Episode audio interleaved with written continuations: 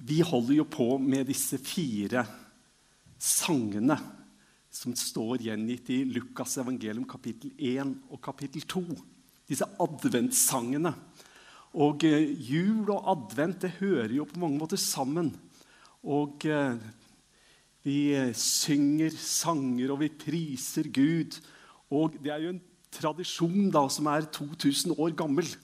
Og man får lov til å være med og synge og prise Gud. Forrige søndag så var vi opptatt med Zakarias sang. Ikke sant?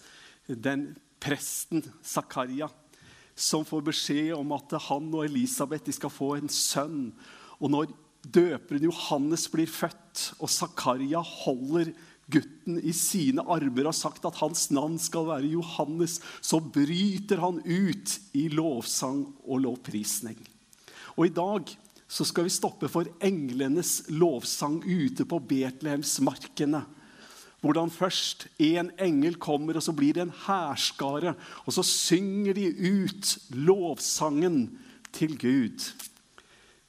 Og eh, neste gang så skal vi stoppe for Marias lovsang, og så er det Simons lovsang. Men aller først en heading som var i avisa. Det var i Dagbladet. På torsdag så var det en sånn heading som dette, der eh, MDG-lederen Une Bastholm ber om unnskyldning. Og det står i artikkelen at hun legger seg flat. Ja, ja, ikke bare flat, men helt flat. For det hun hadde gjort, og som måtte bes om tilgivelse for, det var dette. MDG-leder Une Bastholm skal aldri mer si at noen bruker penger som fulle sjømenn. Norsk Sjøoffiserforbund er skuffet over uttalelsen hun kom med tirsdag kveld. Men Sylvia Listhaug er provosert. Altså, hvis jeg tillater meg en liten sånn parentes Det er ufattelig hvor mye folk kan tåle uten å bli støtt. Samtidig så er det ufattelig hvor lite som skal til i noen sammenhenger for at folk blir dypt krenka. Men, men, det er en del ting som ikke jeg kan forstå når det gjelder hva som er grensa for å bli krenka og ikke. Men her i dette tilfellet så følte visst alle sjømenn seg veldig krenket over at eh, Une Bastholm brukte dette uttrykket som 'fulle sjøfolk'. Og Da ber man om unnskyldning for det. Og Det er jo da innledningen til gudstjenesten vår i dag, naturligvis. Og dere ser sikkert koblinga med en gang. Fordi Uttrykket 'fulle sjøfolk' det er jo nesten som å høre hvordan man omtalte gjetere på den tida. For da hadde de et uttrykk at det var 'man lyver som en gjeter'. Eller 'lyver som en hyrde', om du vil. Og Det er jo ikke fint å karakterisere en gruppe mennesker på den måten, men sånn var det. Gjeterne de var vel omtrent lavest i et sosialt hierarki. Nå vet jeg jo at det er folk som tolker en del historiske elementer forskjellig. Men, men sånn som de fleste oppfatter det, så ble gjetere sånn generelt så ble de sett ned på. De holdt på med sine sauer, og det lukta sau av de, og ja, nær sagt, det smakte vel sau av de òg omtrent. Og disse, disse gjeterne, det, det var de laveste. Uansett hvordan de er, og uansett hva som er helt presist. Det var ikke sosieteten og de mest vellykka og de rikeste som satt der ute på Betlehemsmarkene og gjetta sauer denne sene kvelden. Det er i hvert fall sikkert. De var de som måtte ta en jobb, uansett hva det var, for å berge livet. De trengte den lille inntekten som de fikk. Det er jo også interessant at til og med Bibelen beskriver hvordan gjeterne blir satt, sett ned på, særlig da i forbindelse med Egypt. For det står jo I første Mosebok så står det at gjetere er noe avskyelig for egypterne. Og Det var den generelle oppfatningen av disse. Så velger Gud seg ut en flokk med gjetere. For han har noe å si. Ja, ikke bare at han har noe å si, men han har noe å proklamere og annonsere. Det kommer én engel Vi vet ikke hvem han er. Jeg tenker at det var vel Gabriel. Han hadde vært på besøk tidligere hos Zakaria. Han hadde, vært, han hadde vært hos Maria. Og nå er han her på Betlehemsmarkene, og han har noe viktig å si. Og det han sier, det er dette. Frykt ikke. Se, jeg forkynner dere en stor glede. En glede for hele folket. Og så begynner det. I dag er det født dere en frelser i Davids by. Han er Messias, Herren. Og dette skal dere ha til tegn. Dere skal finne et barn som er svøpt og liggende i en krybbe. Om du tenker at det, det er unaturlig å starte med frykt ikke, så tror jeg ikke at det er så veldig unaturlig uansett hva vi måtte tenke. Gjeterne de må ha blitt skrekkslagne av dette himmelske vesen som står der. Og Hvis ikke de ble redd av én, så kan vi jo tenke hvordan reagerer de når en hærskare fyller hele himmelhvelvingen, og de står der og bryter ut i lovsang og jubel. Og de synger lovsangen utover Betlehems markene. De synger 'Ære være Gud i det høye'. Fred på jorden blant mennesker Gud har glede i. Og de synger, og jeg forestiller meg liksom at det bobler over av begeistring. Himmelen jubler, for Frelseren er født. Og du vet, denne sangen, 'Ære være Gud i det høye', det kalles jo Gloria. Første bokstaven eller første ordet i, i, når sangen er oversatt til latin. De jubler ut, og de synger 'Ære være Gud'. Og Jeg hadde tenkt å ta 48 sekunder hvor du skal få lov til å nyte denne sangen.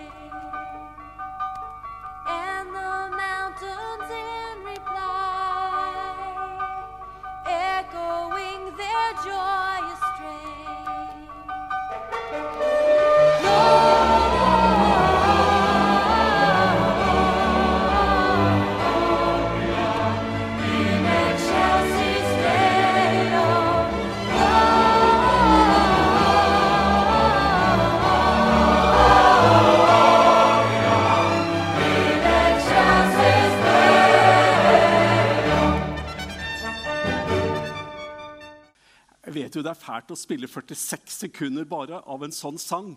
Men de jubler ut 'Gloria, Gloria in excelsis Deo'. Ære være Gud i det høyeste. Og så er den strofen 'Fred på jorden'. Fred på jorden. Og det er hovedtanken i det som jeg vil dele med deg denne formiddagen. Englene hadde et budskap, og det var Gud hadde ikke glemt sin skapning. Han visste om hver eneste en. Og nå kom han med denne fredshilsningen. Fred på jorden, i mennesker, Guds velbehag. Nå er det jo sånn vet du, at ordet fred det kan bety veldig forskjellige ting, helt avhengig av den situasjonen som den enkelte er i. F.eks. For, for soldater ute på fronten, så betyr fred det betyr på en måte fravær av krig og vold og maktmisbruk og lidelse og ødeleggelse.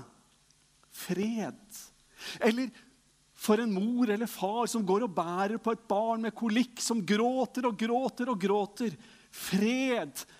Det må være at barnet sovner, og man får legge det ned og se hvordan det sover godt og søtt. Og så får man legge seg selv ned og sove søtt og godt også fred. Eller for en, for en ungdom som ser hvordan foreldrene krangler og nærmest slåss. For en sånn ungdom som må fred være å kunne samles rundt et middagsbord og kunne snakke vennlig med hverandre og oppleve vennskap og fellesskap og familieliv. Ordet fred kan være så forskjellig, helt avhengig av den situasjonen den enkelte er i. Men budskapet fra Gud, det er fred på jorden. I mennesker, eller blant mennesker, som Gud har velbehag i. Om det er i det ene eller andre sammenhengen, så innebærer fred fravær av en del vonde ting. Om det er smerte i forbindelse med krig, om det er smerte i forbindelse med sykdom, om det er smerte i forbindelse med uenighet og krangel. Uansett hva det måtte være, fred er fravær av dette vonde inn i harmoni og trygghet. Englene forkynte det for et par tusen år siden. Og så må jo vi kunne stille spørsmålet Har det skjedd? Er det sånn at det er fred på jorden? Og eh, kan jeg f.eks. si til den enkelte av oss at jeg garanterer dere en fredfull jul? Vi vet jo at sånn er det ikke. Vi kan bare se på en hvilken som helst nyhetssending, og vi vet at eh, det er ikke fred som råder overalt. Ved Guds nåde så kan vi få lov til å si at vi har hatt en så ufattelig lang periode med fred i vårt land, som vi takker Gud og mennesker for. Men vi vet at når vi ser på denne jordkloden, så er det likevel så uendelig mye lidelse. Gud kom med et fredsbudskap. Og så vet vi at eh, fred ikke råder overalt. Eh, samtidig så får vi en utfordring. Paulus han skriver i Rombrevet kapittel 12. Der står det Gjengjeld ikke ondt med ondt. Ha tanke for det som er godt for alle mennesker. Og så har jeg tillatt meg å understreke Hold fred med alle om det er mulig, så langt det står til dere.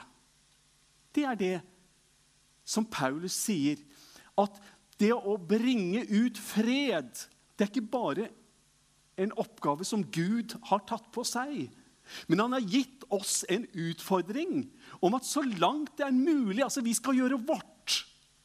Det skal ikke stå på oss når det gjelder å skape fred. Det er et kall som han har gitt oss.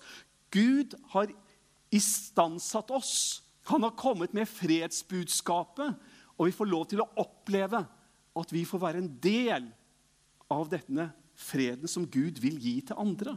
Og Jesus selv Dere, tenk. Jesus selv sa dette. Han sa, 'Salige er de som skaper fred, for de skal kalles Guds barn.' Du, salig er du om du skaper fred. Og så kommer dette løftet også. De skal kalles Guds barn. Jeg tror det betyr mye for Gud at mennesker skal få lov til å leve i fred og harmoni. Så er det dette med fred uansett omstendighetene. Så er det dette med fred når vi ser tilbake på de åra som vi har levd. Og jeg har møtt altfor mange mennesker som egentlig plages ved ting som de selv har gjort, som de skulle ønske hadde vært ugjort. Og så er det sånn at eh, Gud kommer og skaper fred ved tanke på den tida som ligger bak. Vi leser om profeten som får se en keramiker holde på å lage en, en vase eller et kar eller hva det måtte være. Og så går det i stykker. Og så ser vi i dette bildet om at eh, han tar ikke da og kaster denne leirklumpen bort og sier at jeg får ta og begynne på en annen en. Men bildet det er at eh, kanskje han må lage det om til en annen vase eller et, et annet kar eller til noe annet. Hvis det ikke gikk an å få det til å bli det som han hadde først tenkt. Men så lager han det til noe nyttig. Og jeg tror det er sånn med oss. Vi kan faktisk gjøre ting som påvirker resten av livet vårt. Det, det, det, er ikke sånn at vi kan gjøre ting ugjort som er gjort. Og det er ikke engang sånn at vi kan gjøre ting usagt som er sagt. Og ting som vi gjør og sier, kan få konsekvenser for resten av livet vårt, uansett om Gud tilgir, og uansett om mennesker tilgir. Så får av og til handlinger konsekvenser. Men uavhengig av konsekvenser så er det sånn at Gud vil gi oss fred for vår fortid. Det som har skjedd, det som har gjort. Vi får lov til å legge det av. Vi får lov til å høre hva salmisten synger. Det er mye sang i advent. Salmisten han synger, og han sier Så langt som øst er fra vest, tar han syndene våre bort fra oss. Det er nådebudskapet. Jeg husker mamma. Hun holdt en tale en gang. Og jeg husker hvordan hun understreka Det var så fint at det sto 'Så langt fra øst er fra vest, tar han syndene våre bort'. Og mammas poeng det var, hadde det stått at det var fra nord til syd, så er det jo liksom en, en, en, en målbar distanse. Det er jo ca. 2000, nei, 20 000 mil. 20 000 mil og 4 km, hvis jeg husker riktig. Fra Nordpolen til Sydpolen. Det er liksom en størrelse målbar. Men fra øst til vest altså Du kan fortsette å gå mot øst i det uendelige. Og samme mot vest. Det er ingen slutt. Du holder på. Og Dette var en stor sak for mamma, og det har vært en velsignelse for meg i 50 år. Tenk, så langt som Østen er fra Vesten, har han kastet våre synder bort fra oss. Det står jo også, vet du, Jeremias han sier om syndene deres er som purpur, skal de bli hvite som snø. Om de er røde som skarlagen, skal de bli hvite som ull. Og Konklusjonen på den lille biten det er Gud kommer, og han synger gjennom sine engler om fred i våre liv. Og du må tillate deg fred over den tiden som ligger bak. Du må ta imot Guds fred og Guds tilgivelse, og vi må slutte å plage oss sjøl og piske oss sjøl når Gud har tilgitt oss. Og så får vi løfte blikket, og så får vi tro at han er mektig til å fortsatt være hos oss og lede oss. Vi får fred for fortid, og vi får fred for nutid. Fred i livet i dag. Dere, gode venner Selvfølgelig, og det er jo så selvfølgelig at det er nesten flaut å si det Selvfølgelig så vet jeg at jeg ikke er fullkommen. Og jeg tror hver eneste en av oss har såpass selvinnsikt at det vet vi er sant om oss alle sammen. Og samtidig som vi lever i denne ufullkommenheten, så går det an å leve godt med egen ufullkommenhet. Jeg tror det er en av mine styrker. Jeg lever godt med egen ufullkommenhet og erkjennelse av at jeg skulle fått til det bedre, jeg skulle fått til det bedre, jeg skulle klart den greia bedre. Men du, jeg knuges ikke ned av fortvilelse og, og, og anger og elendighet. Nå går det kanskje an å leve for godt med egen ufullkommenhet. Det er et annet kapittel. Men du, vi får lov til å se at i dag er vi hos Herren, og han er med oss, og han gir meg fred innenfor dagen i dag. Han gir meg fred midt i ufullkommenhet og utilstrekkelighet. Så får du lov til å ha fred. Og jeg har så lyst til å si til oss vi må ta imot Guds fred. Det er en gave som han gir oss.